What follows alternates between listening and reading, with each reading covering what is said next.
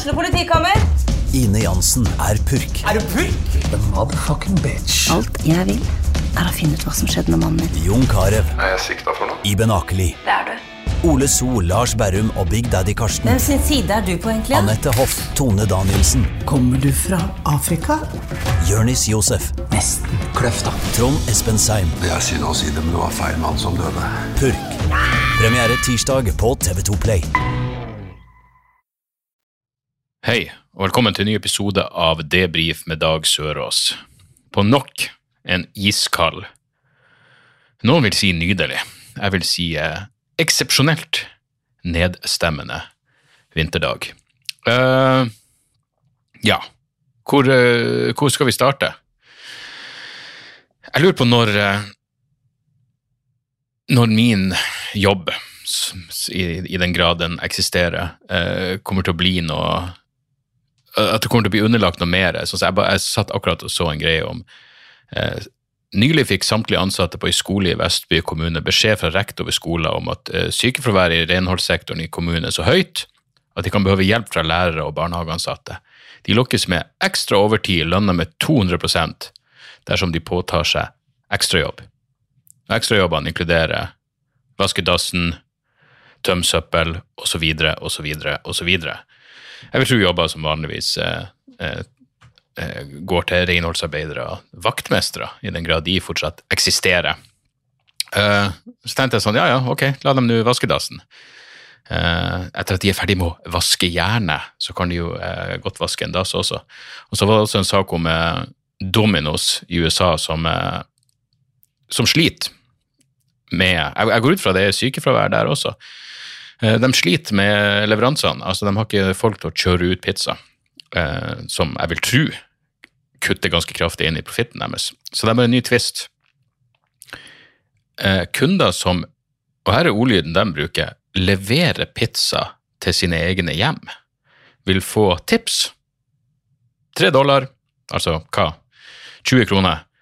Eh, 25-30 kroner.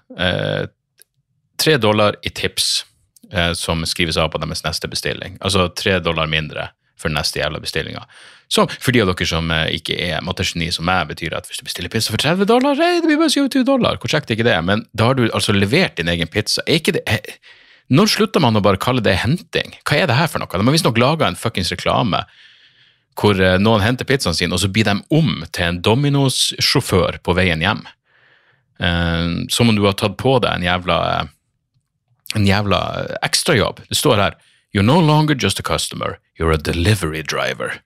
Det er det siste jeg vil høre. Ja, men hvis jeg, det, det er vel sikkert nok skam involvert for, for mange å, å bare fære på Domino's og kjøpe pizza, med tanke på at det finnes andre alternativ der ute. Og så er det i tillegg en fuckings Altså, jeg ser på ingen måte ned på de som kjører og leverer pizza, men som en mann med mye erfaring med å få pizza levert på døra. I 9,7 av tilfellene så er det jo en, en ung gutt i slutten av tenårene som leverer pizza. Så eh, ja, jeg, jeg, jeg føler ikke for den fuckings eh, Jeg føler ikke for den jævla ekstrajobben. Så kanskje er det det her Jeg mener det var noen som sa en gang øh, og når jeg sier at jeg mener det var noen som sa, så er det noe jeg har hørt, eller innbilt meg jeg har hørt, eh, drømt, funnet på sjøl, hvem vet, men at en av de viktigste egenskapene um, ungdommen kan kultivere, er eh, omstillings... eh, kapasitet for omstilling, altså omstillings... eh, Vær komfortabel med å skifte jobb. Og nei, ideen om at du, begynner, du jobber i en jobb hele livet, sånn som foreldrene våre gjorde, den tida er fuckings over. Og hvem faen vet? Men en liten strøjobb i det du får hente pizzaen din, er vel Jeg vet ikke, altså, det er jo så mange liksom eh, Pizza jeg forbinder jo med søndag, bakfyllemåltid, og, eh, og da skal man jo ikke skal man ikke kjøre engang. Hva med meg, da? Som, som, vi har en som heter Mr. Pizza. Vi har Domino's og Mr. Pizza rett i nærheten av hverandre. Jeg kan huske at det, sønnen min ble først. Han, han ble sånn eh, Han han hadde virkelig fart den, den eh, prinsipielle eh, antikapitalisten, jeg vet ikke engang hva ordet. Det, er jo, det, det kom en domino som slo seg ned rett i nærheten av Mr. Pizza. Mr. Pizza er jo ikke noe stor kjede. De har vel to, to uh, pizzasjapper i, uh, i Oslo. Og lager jævlig god pizza. Alt er helt fra bunn, og bunnene er nydelige, og jævlig god pizza. Og ja, du ser liksom, det er, det er et par stykker som jobber der, og de jobber som faen.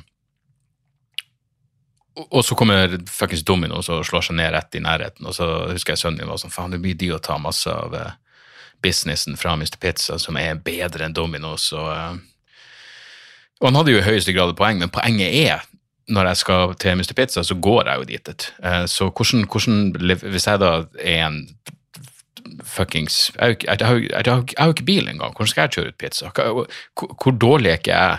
Jeg mener, Foodora, de har det minste Folk sykler nå, eller sparkesykler, eller hva i hell, rulleski. Foodora på rulleski, men, men det er jo ingen det er ingen leverandører som bare går med pizzaen, for da er den jo mest sannsynlig, eh, mest sannsynlig kjølig før du får den levert hjemme. Så jeg vet ikke. Jeg vet ikke komfortabel jeg, hvor komfortabel jeg er med, med, med noe av det her. Jeg tror bare jeg er sånn, eh, eh, Noen ganger blir du satt i et sånn motvillig ehm, ref, reflekterende humør. Eh, så når jeg sto opp i dag og satt og leste i Klassekampen, så var det en svær artikkel om at Ulysses av James Joyce er 100 år.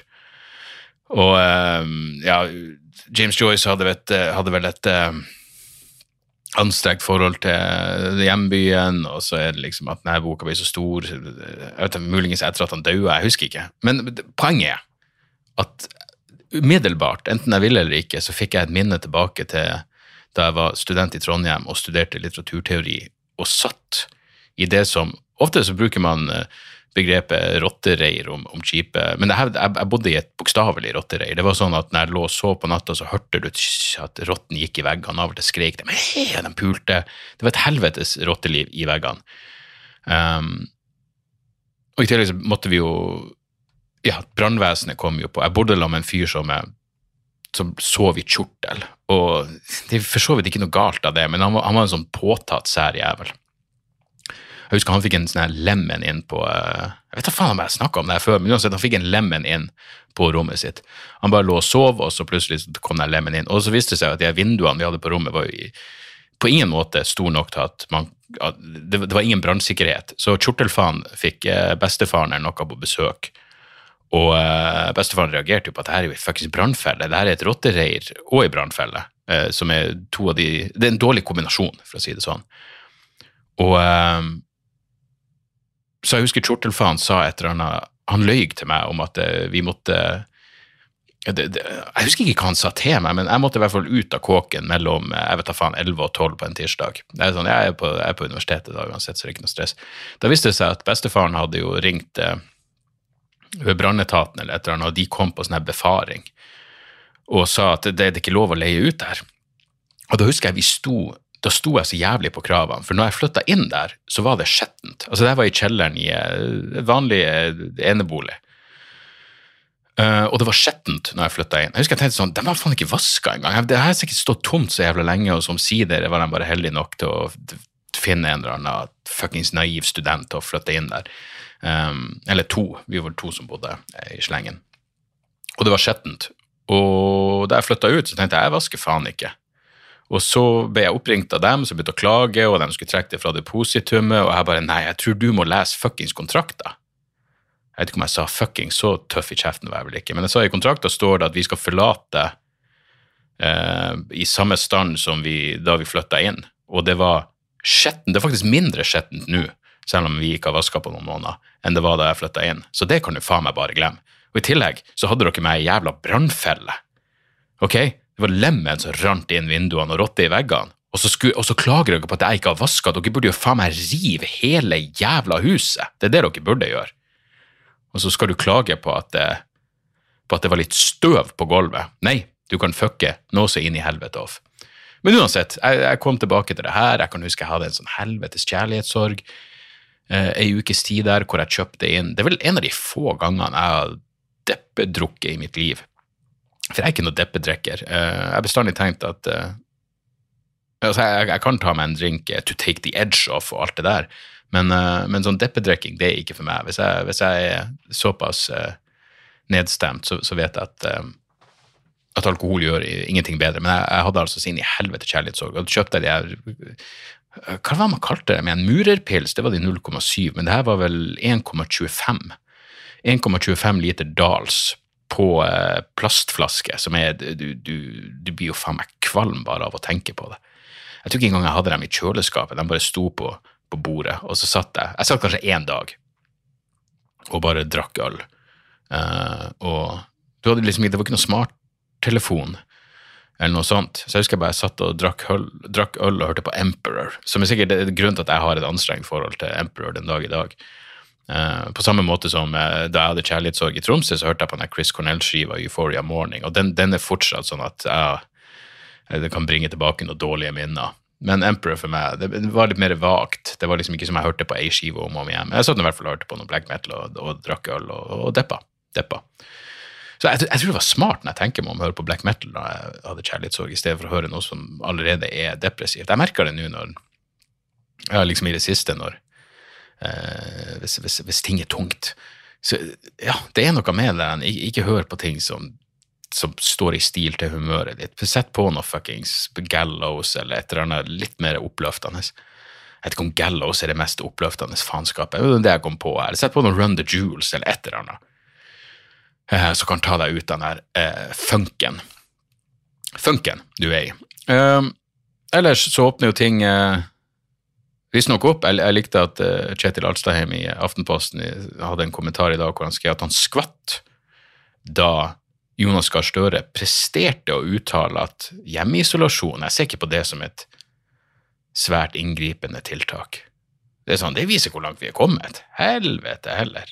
Plutselig, selvfølgelig er det danseforbud. Vet du, jeg og, jeg og, og jeg skjønner virkelig de folkene i utelivet som er sånn Hvordan i faen skal vi holde åpent med meteren gående? Hvem vil danse med munnbindkrav og meteren? Det høres Jeg, jeg kunne faktisk Det er det eneste dansinga som ville gjort meg komfortabel, men, men for folk flest og folk som faktisk har motorikk, så, så, så er vel ikke det Det er vel en, en, en ja, en, en generell uh, turnoff på alle plan. Men jeg, var, jeg gjorde Nytt på Nytt forrige uke, og etterpå så dro jeg ut på for å treffe en kompis og ta noen øl på uh, Internasjonalen. Noen drinker må det ha vært, siden det var internasjonal. Og uh, vi satt der fra åtte til elleve. Når, uh, ja, vi, vi, gikk rett før de måtte stenge. Og i løpet av de tre timene vi satt der, så tror jeg kanskje det var fem andre personer innom. Og det her er en helt vanlig torsdag på en, en, en populær fuckings bar midt i byen. Uh, så jeg lurer på hvor lang tid det tar før ting kommer tilbake til, til noen form for, uh, for normal. Men uh, ja, nei. Sånn er jeg. er glad. Ja, igjen, jeg er bare så glad jeg fikk jeg fikk fikk gjort unna turneen min og filma showet, i den lille åpninga hvor ting var normalt. Og når det kommer til showet mitt, så jeg tror vi blir nødt til å gå for den uh, samme gamle uh, modellen med å bare selge showet sjøl. Um, Netflix er vanskelig å få noe svar ut av. Ikke overraskende nok, men de var jo de eneste uh, jeg kunne, som jeg kunne være hypp på å selge det til, hvor det ja, hvor det økonomiske ikke ville være liksom, hovedmotivasjon. Bare la oss få det på, bare fordi å ha noe på Netflix. Jeg hadde jo et show på Netflix i 2010, eller noe sånt, før Netflix var populært, når Netflix var, var noe man flirte av. Så var jo min DVD ukomfortabel, live på fabrikken. Lå jo på Netflix i støren. Uh, og jeg visste jo på ingen måte der og da hvor kult det egentlig var. Men, uh, men de er umulig å få tak i. Manageren min var i et møte med med NRK, og de hadde vel sagt noe sånt som at ja, vi, vi, digger Dag, men vi vet ikke hvor vi skal plassere det her. Jeg vet ikke om de har sett showet engang, men jeg vet ikke hvor de skal plassere min humor. Er det sånn at NRK, alt de sender, må være familievennlig? Må, det, må, må alt de sender være for hele familien? Jeg vet da faen. Men uansett, det er jo ikke noe, ikke noe hard feelings der. Eh, så da ender det vel opp med at vi, vi redigerer det ferdig, og så Og fordelen med å selge sjøl er selvfølgelig at ja, det er klart, Nå har vi brukt 300 000-400 000 kroner på produksjon. Dette er en ordentlig fuckings produksjon, så jeg håper dere, håper dere kjøper eller leier det jævla showet. Uh, så jeg i hvert fall går i null på faenskapet. Men uh, fordelen med å bare legge det ut på, på Vimeo sjøl, er jo at uh, ja, Slipp å redigere i det. Det er et par ting jeg har lyst til å kanskje klippe ut fordi det var veldig aktuelt der og da, men, men i det store og det hele så blir det en og en halv time show. Og skulle man sende det på NRK, eller et eller annet, så måtte det jo blitt kutta ned til, til en time. Så i den forstand så, så er det jo bedre for, for, meg og dere at dere bare får hele greia sånn som det skal være. Men det må som sagt kleppes ferdig, altså ja, mellom kameravinklene og alt det der, og så se om det er noe som skal redigeres ut. Men jeg håper å få det gjort fortest mulig, for jeg, jeg vil bare få det ut. Uh, og så uh, og så var det jo suksess med å selge demokrati på den måten, uh, rett til dere. Så jeg håper jo at det, at det funker denne, denne gangen også. Uansett, hyggelige tilbakemeldinger på, på, Nytt på nytt. Det var jo det var gøy å være med der igjen. Det er jo alltid litt frustrerende når man sitter og spiller inn en og en halv time, og så vet du at det meste av det her, to tredjedeler av det her skal klippes bort. vi hadde blant annet en seksjon om hva det var, om, om Helvete, nå forsvant bildet. Håper faen ikke Håper ikke opptak kødda. Ja, vi hadde en greie om eh, om 8. mars-tog og eh, eh, kvinnefronten og kvinnegruppa Ottars ekskludering av ikke-binære når det kom til paroleavstemninger, og så hadde vi en greie om oksykontin, og som jeg må ærlig innrømme at jeg visste faen ikke at det var jeg visste ikke at det var vanlig å bruke i, i Norge. Vi fikk blant annet link til én sak om en fyr som kalte seg som var, Han hadde ramla på en eh, middelaldrende herremann. Ikke at det er noe galt med det, på ingen måte, men han har i hvert fall vært og ramla på isen, og så fikk han Oxycontin, eh, som eh, På resept, selvfølgelig. Og ble hekta og kaller seg sjøl reseptnarkoman. Og da husker jeg tenkte det må faen meg være da, da, er du øverst på rangstigen over de narkomane. Reseptnarkoman. Og det, det, er også noe så jævla Det er noe så norsk med det, å bare være en stat, statssubsidiert stoffmisbruker. Men um, jeg, er fortsatt usikker på uh, hvordan Oxycontin er så jævla Det sosiale aspektet ved avhengighet, hvordan noen ender opp med avhengig. Ja, og det her sier jeg ikke fordi jeg har noe sånn underliggende det, det, er bare det at jeg ikke vet. Jeg, jeg er skeptisk til ideen om at du bare tar noe en gang, og så blir du bare hekta. Jeg vil tro det sosiale aspektet er, eh, er veldig viktig. Selv om selvfølgelig å bli hekta på smertestillende er jo eh, eh, sikkert røft som faen. Jeg leste en greie i dag om i, uh, i Syria, så har de et ord som heter uh, Fuck, hva faen var det? Kaptogen, eller noe sånt. Uh, jeg lurer på om det var kaptogen dop, Syria Helvete. Altså, min sånn søke På et eller annet tidspunkt uh, Kap, Kaptagon heter det. Som er gammelt uh, Noe smertestillende fra 80-tallet, tror jeg, og så ble det ulovlig fordi det var så uh, avhengighetsdannende. Men det er visstnok inn Eh, i Midtøsten. Og da kan du virkelig snakke om de, sos de, sosiale grunnene til at folk føler for å døyve fuckings eh, eksistensiell smerte. Um, men uh, det er visstnok mye, det er mye av det i Syria, og de mener at uh, myndighetene, Assad-regimet, tjener på det her, og, uh, og, bla, bla, bla.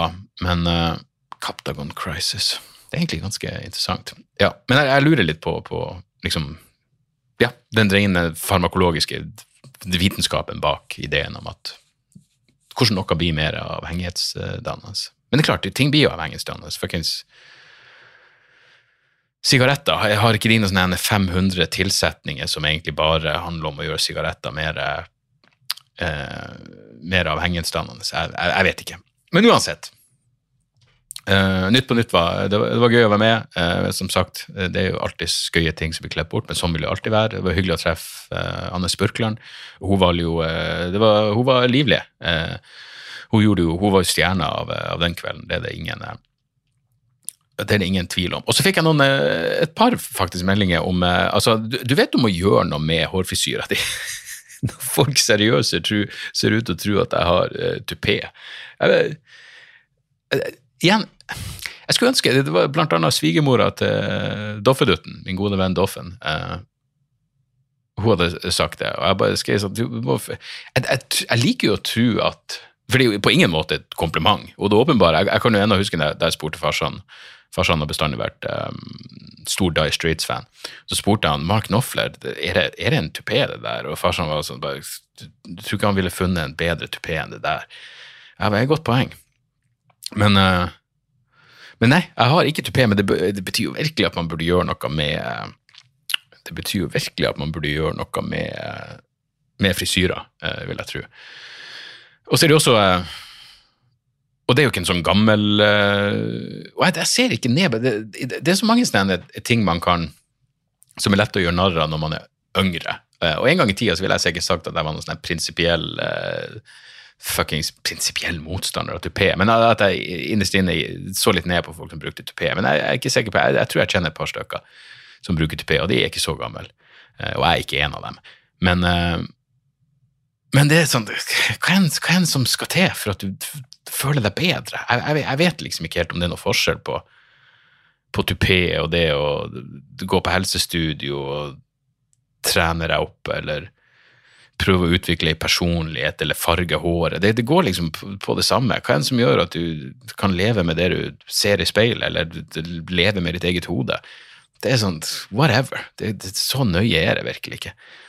Så ingen tupé, men helvete, jeg blir det. Altså, det, de, de siste månedene tror jeg har, har tatt på, for jeg har ikke sovet eh, godt, i hvert fall basert på eh, den ene klokka mi. Nå vet jeg at jeg sover sleep-trackeren til Garmin. eh, Nå har jeg den nyeste, eh, Phoenix 7X, som jeg virkelig elsker. Men eh, jeg så en sånn video på YouTube hvor en, en eh, søvnforsker eh, eh, bruker Garmin-klokka og sammenligner denne sleep-trackinga til Garmin med ordentlig sleep-tracking. Og eh, ja, den er ikke ja, Den er grei, den viser hvor lenge du har sovet ganske bra, men mellom de forskjellige stadiene, mellom rem-søvn og tung søvn og lett søvn og våkentid, så er det visst litt, eh, litt hipp som haps hvor gode de målingene er. Men, men jeg har i hvert fall ikke sovet bra på, på et, et par-tre måneder. Det er mye det, ja, ting i hodet. Så helvete, jeg, jeg, tror jeg eldes eh, jeg, jeg, jeg sier ti år bare for å hive det ut der, men jeg tror faen meg det stemmer. Godeste eh, Gunnar Tjomli var jo på, på Latter og tok bilder, og han sendte meg de bildene, og jeg var sånn jeg husker, jeg husker jeg bare satt og åp, jeg fikk det, så åpna det på telefonen, og så måtte jeg bare si til Anne Marie fucking se på det her, please si at jeg ikke ser sånn her ut. Jesu navn i fuckings himmelen. Hva er han Eirik eh, Eirik Jensen, hadde han Jeg må bare google Eirik Jensen. Det var den første jeg kom på som liksom bare så Ja, Eirik Jensen. Jeg er Eirik Jensen-øya. I hvert fall det under øynene. Jeg synes jeg La meg se Erik Jensen. Ja, han har fine øyne. Ja, han er jo sånn rugged handsome. Men uansett, jeg måtte si til han jeg ser nesten her ut. Hun jeg beklager å måtte informere, men det der ser ut som deg. Og jeg bare fucking hell! Her må det gjøres noe. Her må det tas noen jævla grep. Uh, Gud, det var deprimerende. Jeg, jeg kan ikke huske å ha sett noen bilder av meg sjøl hvor jeg bare tenkte sånn det her, det her ser ikke et, det ser ikke bra ut. Og da kom jeg på Vi, vi satt eh, Vi satt og eh, Jeg husker når vi satt og prata, så hadde jeg en, eh, en eh, sånn eh, brisen Bare gøy diskusjon med en, en annen komiker som heter Sjur om om, jeg husker ikke om jeg nevnte det her etter at vi var på Latter, men uansett, han hadde noen idé om at hvis du ikke klarer å jogge en mil, så er du fuckings pingle. Jeg, bare, jeg klarer å jogge en mil, men det er fordi jeg er relativt god sånn, joggeform. Um, men, men gudene skal vite at jeg er atskillig dårligere form nå enn jeg var for bare et år siden. Men uansett, vi sitter og prater om det her, så var det en av de andre Ole, en av de andre komikerne, som sa sånn, det er ganske demotiverende å tenke på at jeg skal jo, liksom trene hardt bare for å se ut sånn som deg. Og, og selvfølgelig bra linje og alt det der, og, men så samtidig tenkte jeg sånn, hva faen er du, frekk nå, for faen, jeg er 44, jeg ser bra ut å være 44. Og så så jeg de bildene som var tatt mens vi satt og prata, og da så jeg jo det Ole så i all sin i all sin estetiske holocaust, og bare tenkte hei, nå skjønner jeg, jeg burde flirt høyere på den, for helvete, du hadde et poeng. Jeg ser faen ikke ut, men uh, det skal være en vei tilbake. Uh, få litt sol i trynet og, og få ordna opp i, uh, i kaos, så tror jeg, så tror jeg ting er Så ordner det seg vel. Og det er jo bra å se man, at man ikke er de eneste. Sånn så, Breivik tapte jo ankesaken, hvem hadde trodd det? Breivik blir ikke sluppet fri. Men den dressen han har på seg, er jo den er, jeg, jeg tipper den dressen han fikk til rettssaken i 2011, og så, eh, og så har han lagt seg litt ut av den også. Han har tatt seg litt òg, men han er jo 42. Det er klart, du, du hadde sett vel isolert store deler av, av livet. Men han har ingen sånne ringer under øynene. Og det, det, det er vel fordi han sov som en fuckings baby, og det føles litt eh, Jeg må innrømme, det føles litt, litt urettferdig. Det var faktisk nå når det kom når det ble eh, tatt opp igjen, denne debatten om han er tilregnelig. Eh, så er det sånn Hei, jeg, jeg, jeg hører mer på Randi Rosenquist, som er, som er en psykiater som har hatt med den jævelen i øret i ti år. Eh, jeg hører mer på henne enn en, andre uh, psykiatere som Ja, psykiatere og psykolog, jeg tror kun psykiatere jeg har hørt, som sitter og fjerndiagnostiserer han. Men det var en jeg tror han var fra Stavanger. Eh, en eller annen psykiater som sa han hadde fulgt eh, rettssaken tett, og han var overbevist om at det, det han satt og så, var, var en, en, en utilregnelig psykotisk mann som ikke har noen form for eh, virkelighetsforståelse som er i overensstemmelse med, med, ja, med den, den, den verden resten av oss lever i. Men han hadde ett poeng som faktisk fikk meg til å tenke litt. Han sa at Breivik hadde jo under liksom, den, den opprinnelige rettssaken, rettsoppgjøret etter 22. juli, så hadde jo Breivik lyst til å ha på seg sin egen hjemmelaga uniform. Og han fikk ikke lov til det, så derfor måtte han ha ja, jeg etter faen ut av respekt for rettssystemet, så måtte han ha en vanlig svart dress på seg. Men han er psykiateren sitt poeng var at hvis Breivik hadde stilt opp i sin egen hjemmelagde uniform, så ville langt flere av oss skjønt at denne fyren er ikke tilregnelig. Og jeg må innrømme at det var den type poeng som fikk meg til å tenke litt. Eh, Og han, han psykiateren, jeg husker ikke hva han heter, men han var også på eh, eh, Dagsnytt 18 og, og diskuterte det med Randi Rosenkvist. Men altså, han hadde ikke lyst til å ta opp igjen det tilregnelighetsspørsmålet, men, men, men eh, han mente i hvert fall at Breivik, eh, hvis hans diagnose er korrekt, så kan Breivik medisineres, og det kan gjøre han eh, frisk i anførselstegn. Og Randi Rosenquist var bare sånn det er ingenting som tyder på at eh, den her, det er noen medisinsk behandling for hva enn som feiler Fjotolf. Samtidig så, så slo det meg at da er faen meg Hvis du ville ha den beste straffa for liksom, eh, ja, Se bort ifra hva jeg har sagt om å ja, og takk for at dere har spredd det klippet, forresten, fra latteren jeg prater om Breivik. Se bort fra at jeg ville ha han skutt på Akershus festning.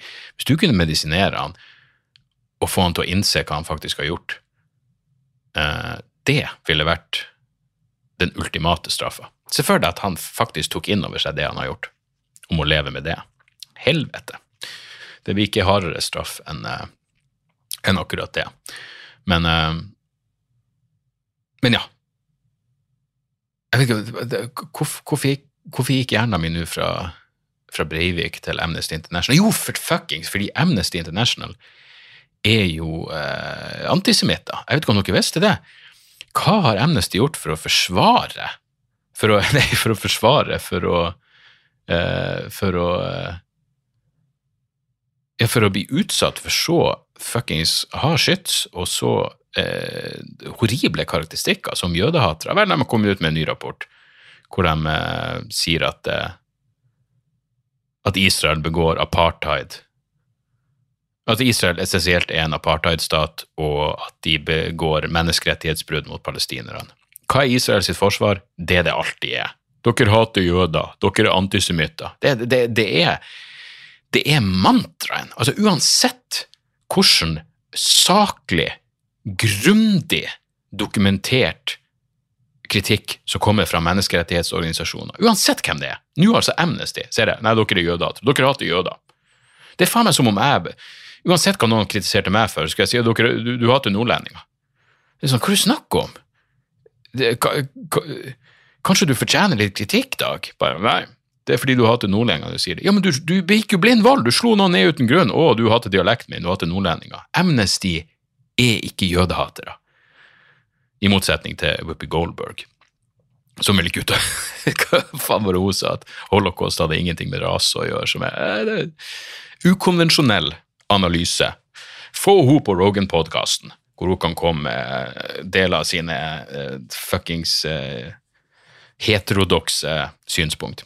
Og det er jo flere av dere som har etterspurt eller skrevet at å, dere gleder dere til å høre min, min take på, på Neil Young versus Rogan-sagaen. Og vel, for det første, jeg var vel ikke imponert over eh, Rogan sitt uh, forsøk på å rette opp Eh, både rykter og antagelser og spesifikke påstander på Instagram. Fordi han får det til å fremstå nok en gang altså det, det, det, det, er selvfølgelig mye å si om det her, men, men for det første, Rogan har en agenda. Han står der og sier han har ikke en agenda, han bare liker å snakke med folk. Det stemmer ikke. Jeg mener, det stemmer ikke. Hvis du ikke har oppfølgingsspørsmål når folk når, når, når, du har en gjest som sitter der og sier at hei, jeg, jeg er en lege, eh, jeg oppfant mRNA-vaksiner, og vaksiner øker sjansen for smitte, og eh, det er noen analogier til det her som vi ikke har lyst til å tenke på, som går tilbake til Nazi-Tyskland. Så er det sånn du har en agenda, da. Jeg vet ikke hvor bevisst det er, men Rogan er en del av et nasjonalt og via sosiale medier og, og podkasten sin internasjonalt konspiratorisk antivaksinenettverk. Det er bare et fuckings faktum. Om det er fordi han ikke har sett igjennom Brett Weinstein, det vet jeg ikke. Men han, la oss ikke glemme at Rogan skulle være med på den Defeat the Rally-greia i Washington. Jeg vet ikke hvorfor uh, han endte opp med å, med å trekke seg, men det er forsvaret med, jeg bare stiller bare spørsmål. Ja, Hvilke spørsmål du vil stille? Tenk på det også. Ikke bare still spørsmål, tenk på hvilke spørsmål du stiller. Og hvis du bare, Ikke la deg snakke over da, av, av ikke, ikke sett deg som en tomsing og la deg snakke over av fokuserte sjarlataner med en spesifikk fuckings agenda. Ikke la deg forføre av en imponerende CV og tilsynelatende eh, eh, rasjonell fremtoning. Og han er sånn, Jeg har forskjellige folk på podkasten. Ja, det stemmer. Men hvorfor tar du bare til deg informasjon? Hvorfor sprer du bare videre informasjon som er beviselig feil, og det som er ren manipulasjon? Det er jo det store fuckings spørsmålet. Og så, En av de verste tingene Rogan sier, er bare at han, ja, men han vet ikke. Han, han vet jo ikke. Jeg bare stiller spørsmål, han vet jo ikke. Ja, det er ikke det han sier i sin egen podkast. Han satt med Jocko Willink og sa at når han hadde CNN-legen Sanjay Gupta, så ble Gupta han trodde at han skulle komme hit og bare snakke over meg fordi han er lege som ikke jeg vet noen ting. Jeg har en, jeg har en mappe på telefonen min hvor det står en masse, jeg har masse informasjon. Ja, han sitter jo og gir spesifikke råd til unge mennesker om at de ikke trenger å ta vaksiner. Han innbiller seg at han vet hva han snakker om. Så jeg mener, jeg, og igjen, jeg, jeg skjønner den ene, jeg er bare en komiker. Absolutt. Men vær morsom, da. Når du sitter helt alvorlig og sier at du vet hva du snakker om, så kan du ikke etterpå si men jeg vet ikke hva jeg snakker om. Har aldri sagt at jeg vet hva jeg snakker om. Jo, du har spes, du har faktisk rett ut sagt at du vet like mye som en lege om fuckings immunologi når det kommer til akkurat covid. Så, så på den andre sida, jeg syns det er Altså, hva heter den skiva? Uh, Neil Young For jeg, jeg, må innrømme, jeg har aldri vært noe, noe stor uh, Neil Young-fan. Altså, mitt første møte med han var jo eh, da han jeg husker han grusa Eddie Vedder på scenen. og der, På denne tida var jeg Pearl Jam-fan, men det var en sånn MTV-show hvor han spilte Keep On Rockin' in the Free World, hvor Neil Young bare var så jævla mye mer energisk og på enn Eddie Vedder. Kanskje ikke det skal mye til. Men, men akkurat når det kommer til liksom misinformasjon. La oss ikke glemme at uh, Neil Young ga ut i skive som heter The Monsanto Years, som, hvor han visstnok hadde helt uh, spinnville teorier om uh, om uh, genmodifisert mat uh, og genmodifisert landbruk. Så, så, han er ikke fjern for å bare hive ut spinnville ideer. Der kunne faktisk han og Rogan helt sikkert vært enige. Um, og så syns jeg det, det, er fake å si at jeg prøver ikke å sensurere Rogan, men det mæler han. Det er bare sånn, Si nå det, da, i det minste. På den andre sida, og Joni Mitchell, på den andre sida så er det jo, det er jo fair enough. Jeg syns det hadde vært bedre hvis Neil Young i stedet for å i stedet for å si det er meg eller Rogan, så vil jeg bedre bare si at jeg trekker meg fra Spotify, fordi eh, jeg har ikke lyst til å være assosiert med det her. Det er jo egentlig veldig merkelig. Eh, liksom, du er på en Jeg mener, den, den assosieringa mellom Rogan og Spotify er jo veldig tydelig, men assosieringa mellom en musiker og Spotify er jo eh, atskillig mindre direkte. Så det hadde vært bedre som bare sa vet jeg, jeg bare trekker musikken min fra Spotify. da. Ok, greit nok, men når du stå i det minste for det du sier, som er meg eller han, da, da, du, da ber du indirekte om at de skal fjerne Rogan, så visste han vel Forhåpentligvis var han oppegående nok til å vite at selvfølgelig vil de ta Rogans side. Um, og så lurer jeg jo på, når Spotify sier at de har fjerna 20 000 podkastepisoder pga. covid-misinfo, ok, hvordan var den misinfoen? Fordi jeg, jeg, kan love dere at den var ikke like skummel eh, og, eh, det her sier jeg uten å vite, men altså, det, det, det er jo åpenbart at den ikke var like skummel fordi den ikke har spredd seg like mye som Robert Malone og McCullough-episodene til, til, til Rogan. Um, så jeg er jo glad Spotify tok det valget de gjorde. Jeg har jo sagt at, ja, jeg prata om det tidligere, at det kommer til å komme. Spotify blir, blir tvinga opp i et hjørne nå hvor de må komme med en eller annen form for, for um, respons. Og den ideen om at de skal, som Rogan ser ut å han støtter det, at de skal merke ting med at det her handler om covid. Jeg, jeg vet ikke. Hvorfor skal covid være så fuckings unikt at det er det du skal begynne å og, og, og, og, hvor skal grensa gå med andre podkaster? Du, du, Det er mye bedre at de bare er prinsipielle på at hei, det her er en podkast på, på, på vårt nettverk. og um, ja, Hele, hele den misinfo-labelen er jo uh, ekstremt vag. Skulle du da gå etter politiske podkaster som prater om Russiagate? Jeg mener, det, det, er så mye greier eh, du kunne tatt tak i der. Jeg, jeg vil tro det blir sagt ting på podkaster om eh, Ukraina-krisa, som er beviselig fuckings feil. Men å begynne å ta dem ned virker veldig, veldig, veldig rart. Uh, men ser du det ropene om sensur, ikke sant? Og er, og la meg si det. Uh, om uh, La meg si det. Hvem, hvem, skulle stoppe meg fra å si det? Men jeg blir skuffa over folk som Har de en gang sett Rogan-videoen før de går ut og forsvarer han? Det, det er jo de man forventer. Selvfølgelig fuckings uh, Brett Weinstein, Jordan Peterson um, Alle de der jævla sjarlatanene går selvfølgelig ut og støtter uh, James Lindsay, Bogosian, alle de der folkene. Selvfølgelig går de ut og støper. De, de, de er så ynkelige. De har den de jævla tungen sine så langt opp i det Rogan-rassholdet at det er en gaping anal av dimensjoner. Men det er jo fordi de er avhengige av han. Men så er det jo folk som jeg respekterer, som bare kjøpte det. Eh, og igjen, fordi de, var, fordi de har vært på podkasten. Utelukkende folk som har vært på podkasten. Så Edward Snowden skrev en tweet hvor han skrev at uh, ingen har så eh, sterke meninger om Rogan som de som ikke har hørt på podkasten hans. Så det er sånn, ok, kanskje du har et poeng, men la oss ikke, la oss ikke glemme, som uh, Chris Kavanagh fra, fra Decoding the Guru, som, podkasten som har gjort uten tvil best arbeid på å eksponere det som ligger både mellom linjene og direkte uttalt i, eh, i Rogan-episodene med Malone og McCullough. Han sa at ja, men så har du også de av oss som faktisk har hørt og analysert podkastene og har et problem med den. Uh, Sam Harris. Well, uh, well, done, brother, eller hva faen han skrev. Uh, Coleman Hughes. Oh, her er sånn som du uh, setter skapet på plass. Glenn Greenwald. Jeg mener, Glenn Greenwald skrev en artikkel eh, hvor han liksom han prater om sensur, og det er sånn Ok, er det her sensur? At Neil Young blir tatt av Spotify? Er det sensur, eller er det Når folk begynner å spre hashtaggen 'delete Spotify', er det sensur, eller er det frimarkedet eh, som opererer? Fordi du er ikke pålagt å, å ha Spotify det, det, er en, det, er ikke en, ytringsfrihetssak å ha Spotify. Hvis du syns at eh, folk burde vise sin avsky mot Rogan med å slette Spotify, eller ikke bruke Spotify, så er det helt på sin plass. Jeg hørte også noen som, sier, som sa at um, Neil Young vel, han er vel sånn audofil, og all respekt for det, for det er til en uh, stor grad jeg også, men han er vel sånn skikkelig uh, audiofil, lyd, uh, opptatt av lyd, og hater den komprimerte kvaliteten på på musikken som Spotify har.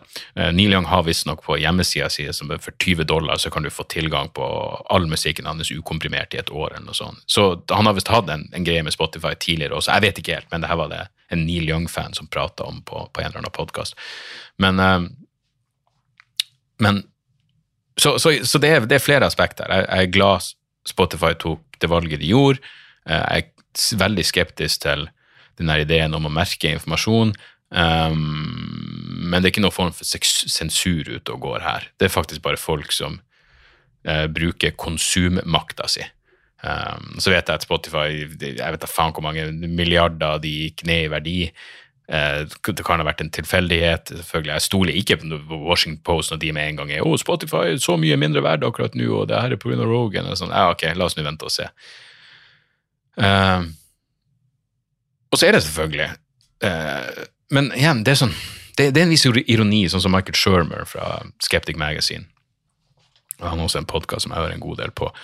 Når han liksom skriver sånn Ja, ok, så Spotify, eller de som eh, vil sensurere Rogan, de tror ikke at folk er i stand til å høre på Robert Malone-episoden og tenke sjøl. Sånn, men du er jo ikke du er jo ikke i stand til å tenke sjøl. Du er jo så prega når, når, du lager For jeg var på Substack, den heter The Joe Rogan Effect. Um, og jeg, som sagt, jeg er stort sett egentlig enig i det han, han sier, men når du liksom legger ut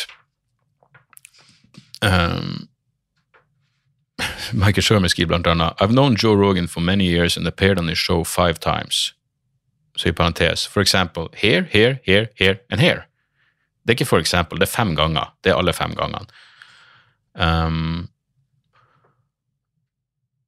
uh, og så er det liksom Jeg vet ikke hvor mange bilder han har av seg og Joe Rogan. Så er det sånn, ok, du er prega av at du kjenner fyren, og det er helt greit.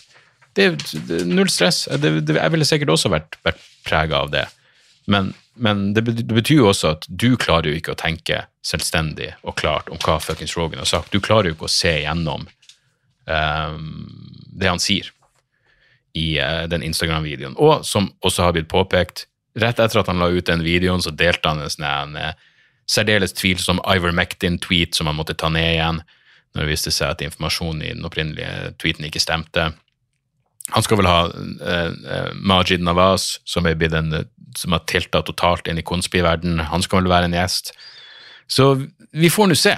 Igjen, jeg vil ikke legge meg fuck. Det er ingenting galt i den ideen om å bare prate. For all del. Men som jeg har sagt før, jeg syns du har litt ansvar, litt ansvar, når du har verdens største podkast og, og du har det som du vet er en ekstremt kontroversiell gjest. Og du vet, det er fordi han er så ekstremt kontroversiell at du har han som gjest. Sett deg litt inn i hvorfor han er så kontroversiell. Og så skal det også fucking sies at jeg følger Rogan på sosiale medier, og han har ikke promotert noen episoder han har gjort så mye som han har promotert og delt videre når folk har skrevet noe, etter Robert Malone-episoden og McCullough-episoden. Så de har vært nær å gjøre Nær Nær å Near and dear, hva er det på norsk? Nær og, nær og kjær. Fuckings Rogan sitt hjerte. De episodene har vært ekstremt eh, spesielle for Rogan, fordi han har promotert dem ekstra jævla mye. Så um, ja, så hva ender man opp med? Jeg, jeg, jeg vet ikke. Um, det skal bli spennende å følge videre, men jeg håper selvfølgelig at Spotify forsvarer investeringa si. Det, det, det, det, skulle da bare mangle. Ja, men Du kan jo høre på de sinnssyke tingene som Alex Jones har sittet og lira av seg. Men, uh, men, når det kommer til Rogan sin kapasitet for å lære, det toget er gått. Det har jeg ingen tiltro til. For han er en vaksineskeptiker. Og det er greit, men det er også det han er. Uansett hva han måtte stå og si i en ni minutter lang Instagram-video som avsluttes med ei Neil Young-historie som ga null fuckings mening, men var vel sjarmerende pga. sin mangel på, på både for så vidt relevans og, og punchlines. Som bringer oss over til det faktum at Antivaksine når det kommer til det har ingenting å si lenger. Eh, jeg skal se hvor det var de skulle sette opp. Jeg leste en sak om at de, det er to antivaksinekolonier nå. De er German-speaking covid denialists seek to build paradise in Paraguay.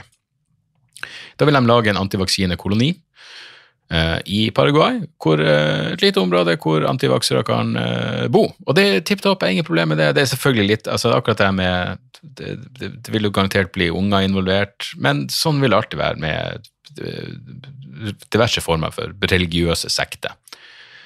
Uh, og, og, bare for å ja, fullføre sirkelen på det, så det bryr meg ikke lenger. Det, det har aldri brydd meg. altså Antivaksere ja, altså, når, når, jeg hadde min minikontrovers, så var det liksom Folk så ut til å tro at det var Ja, nå er det irrelevant. Hvis du ikke vil la deg vaksinere nå, så ja, hvem bryr seg? Det er det er ditt valg. Det, det bestandig vært det jeg har sagt. Det bryr meg bare i den grad det får konsekvenser for andre mennesker.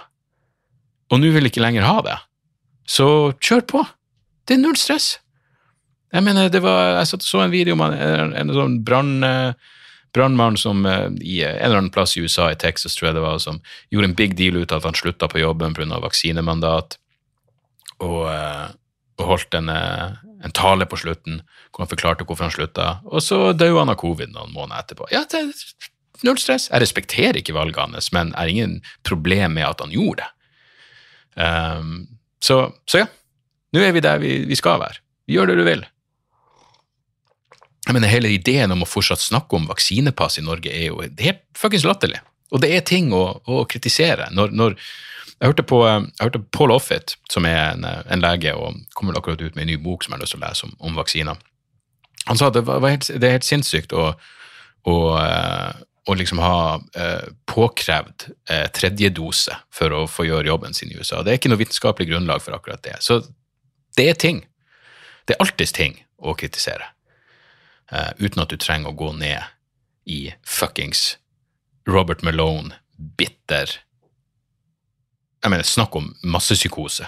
De tingene han fuckings lirer av seg. Og som Decoding the Gurus påpeker, som er egentlig alt du trenger å vite, når noen går på Infowars, når noen setter seg ned for å ha en seriøs samtale med Alex Jones, så er det et rødt jævla flagg.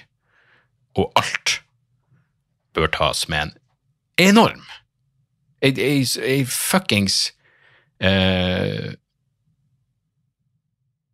Ja, hva var det eventyret? Med, hvem faen var det som skjærte Larte at han skjærte over magen sin han spiste med trollet? Spiste grøt med trollet. Det var noen Asbjørnsen og Moe, jeg husker faen ikke helt. Men uansett, den, den type skei den, Det må være den, den, den, uh, den skeia med, med salt som du skal proppe i kjeften din før du tar Robert Malone seriøst, må være på den størrelsen. Herregud, det var en knotete måte å, å, få frem et, eh, et relativt åpenbart poeng på. Uansett, hvor lenge har vi Jeez, 46? Nei, men da er vi jo faen meg i mål. Jeg har atskillig flere ting å prate om, men da kan vi egentlig bare spare dem til Patrion-episoden som eh, kommer til helga. Eh, hvis dere går inn på patrion.com slash dagsordas, så får dere et par et par bonusepisoder i måneden og eh, litt ekstra stæsj. Det ligger noen andre greier der òg som er ganske så interessant. Eh, og Der kan du velge mellom 50, eh, 75 og 100 kroner måneden, alt etter hva du, hva du, føler som. Og Du kan melde deg på, melde deg av alt det der, men vi har fått en, en fin liten gjeng med mennesker der. Og jeg gjør ofte sånn spørsmål og Q&A-episoder hvor jeg ofte får gode spørsmål. Og la meg si det om om mailing. Fordi eh, jeg ga jo tidligere så drev jeg jo og sa at jeg ville ha innspill til podkasten, og jeg ga ut mailadressen. Og så endte det opp med at jeg bestemte meg for å ta spørsmål og svar mer på, på Patrion. Men jeg har jo en e-mailadresse til podkasten som er debrifpodkast.gmail.com. Og jeg har fått Det kom litt ut av kontroll, og så ble jeg hengende etter.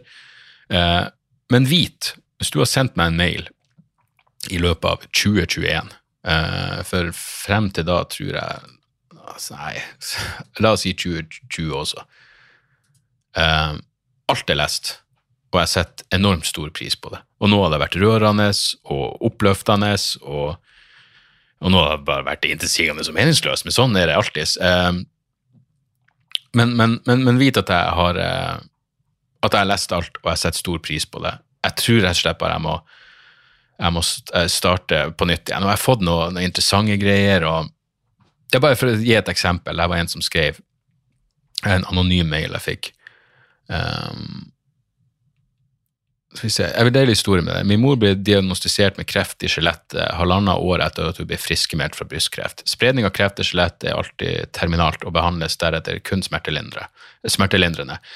Etter to måneder ble hun så svak at hun måtte legges inn på sykehus med jevne mellomrom og måtte sitte i rullestol. For å lindre smerte og for å øke appetitt kjøpte min far hasj til henne, som han da administrerte til henne. De stilte seg da rett utenfor sykehuset ved flere anledninger for å røyke. Min fars tankegang i dette var jeg ikke røyker hasj, og kona mi er for syk for å fengsles. Og dette syntes jeg var hysterisk morsomt. Min mor ga en siste metaforisk langfinger til verden før hun sjekka ut. Det tok kanten av en ellers trist situasjon for min del å se min mor ha munchies inne på sykehuset med et lurt smil om munnen. Stå på videre dag, hilsen anonym. Vel, til deg anonym, fuckings eh, rest in peace til mor di, og eh, bra at hun fikk eh, litt appetitt og eh, godt humør på, på slutten. Men ikke sant, når noen sender en sånn her mail, så får du jævlig dårlig samvittighet for at du ikke har svart på det før nå. Men, men uansett, vit at eh, det er ingenting jeg bare leser og er sånn ah, ok, det var, whatever. Hvis du sender meg noe, noe, noe personlig og sånne historier, vit at det, det, betyr noe, og det setter jeg jævlig stor pris på. Um, også en fyr som har sendt meg en mail om Chomsky som jeg har lyst til å svare på. Vi får ta det i en annen episode. Men uansett, poenget mitt er at jeg har en mailadresse til podkasten. Den er debrifpodkast.gmail.com, og jeg leser alt som kommer inn der. Um, ja. Og i noen tilfeller så vil jeg kanskje ta det opp i podkasten. Men jeg har ikke lyst til å insinuere at det kommer til å være en, en, en fast greie, for jeg bruker, jeg bruker Patrion-bonusepisodene eh, mye til, til, det. Og så syns jeg det er kult at de som er på Patrion, kan kan stille eh, spørsmål eller innspill til tematikk og alt sånn. Så, så, ja, der er vi. Der er vi. Uh, utenom det, show og sånt. Uh, det begynner å plottes ting inn, i kalenderen. Jeg er jo nå i selvfølgelig skriv nytt materiale-fasen. Jeg, jeg, gjør vel et par show på Latter på lørdag og neste lørdag. Tester ut litt nye ting. Uh, det blir klubbjobber etter hvert. Jeg skal oppdatere hjemmesida mi med. Jeg skal gjøre en Latter Live-turné i, i, mars, hvor man skal rundt på forskjellige plasser med ei lineup som fuck dere. Den er, ja, den er original. Og ja, så, så, rundt omkring, og så er vel tanken at til høsten så blir det en prøveshowturné. Jeg hadde en møte i går med manageren min hvor han var sånn Ja, blir det premiere på neste show i februar? Jeg bare fuck, februar? Helvete, er ikke det et år til? Uh, det, det, føltes Så jeg vet ikke. Jeg, skal, jeg må bestemme meg. Men enten enten februar eller september til neste år blir det, blir det nytt show, ny turné og, og, alt det der. der. Så, uh, men den, den, det får vi jo ta når den Ja, vi må jo få inn noen, uh, noen, men noen, tips helt på slutten, for helvete, det holder jeg på å glemme. jeg så 'Verdens verste menneske', Joachim Trier-filmen. virkelig, virkelig Believe the hype. Jeg, jeg, jeg ble ja, jeg ble, jeg ble, jeg måtte tørke noen tårer. og nei, den, var, den, var, rett og slett uh, jævlig fin. Jeg må innrømme Anders Danielsen Lie har gitt meg litt, uh, litt uh, innovertiss tidligere, men fucking solid skuespill. Og det er Renate Reinsve er fantastisk. Jeg, jeg, liker virkelig han Herbert Nord, Nordrum også. men for en, for en nydelig, fin, fin liten film. Eller liten film. Det er faktisk en enorm film. Eh, Håpen blir Oscar-nominert, Håpen vinner, alt det der. Eh, knallbra, knallbra, knallbra. Og så har jeg også sett eh, dokumentarserien etter tips fra lytter, 'Omgitt av fiender', som også var, var veldig bra. Jeg mener, det er jo bestandig både fascinerende og deprimerende når noen tar et dypdykk i virkelig ytterliggående høyreekstremisme. Og Lysglimt er jo med. Lysglimt Johansen er jo med. Vet du, jeg satt og hørte han prate, så tenkte jeg at det er synd at han er en sånn antivakser.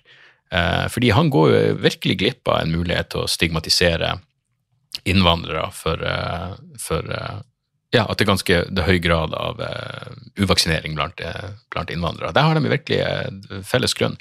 Men uh, veldig bra dokumentarserie. Lurer på om ikke det er han samme som lagde den uh, Er det ikke han samme som lagde den Estonia-dokumentaren som, som, som, driver det her? I hvert fall, det er filma over fem-seks år, tror jeg, eh, hvor han følger eh, diverse høyreekstreme bevegelser i eh, Norge, Sverige, Danmark og, og Finland. Helvete, for en babyface han er, han nazijævelen i, i, i, Danmark. Men, men uansett, verdens verste menneske, omgitt av fiender. Og så vil jeg også tipse bare om skiva Reckless av Morgan Wade. Jeg vet ikke om jeg nevnte den da den kom ut i fjor. Um, jeg husker hun kom ut hun hadde en singel som heter Don't Cry, som bare Jeg elska den. Den er så enkel. den er så, Det var nesten sånn Jeg tenkte sånn Er det her guilty pleasure, eller er det uh, Men jeg, jeg, tror ikke på guilty pleasure. Så, så kom skiva, og jeg elska den. Hun har blitt kalt en sånn kvinnelig Jason Isbell, og um, ja, det, det, er ikke, det, er virkelig ikke i dum sammenligning, både musikalsk og, og, og, og tekstmessig. Um, det er også en låt fordi Grunnen til at jeg nevner nå, er at skiva Reckless er kommet ut i en sånn eh, deluxe edition med jeg tror det er seks ekstra låter. Uh, men, men uh, ja, det er jo singer-songwriter country, alt det der, alle de der godsakene. Og, og hvis du har lyst til å sjekke ut bare et par låter, Don't Cry er den ene, og det er også en låt som heter Mend, som er jævlig, jævlig bra. Uh, Run er den nye singelen. Så, så, Reckless av Morgan Wade. der også. Ok, det var det. Vi, eh, vi høres igjen eh, neste uke. Ja, det gjør vi. Tjo og høy! Moderne media. Har du et enkeltpersonforetak eller en liten bedrift? Da er du sikkert lei av å høre meg snakke om hvor enkelt det er med kvitteringer og bilag i fiken, så vi eh, gir oss her, vi. Fordi vi liker enkelt. Fiken superenkelt regnskap.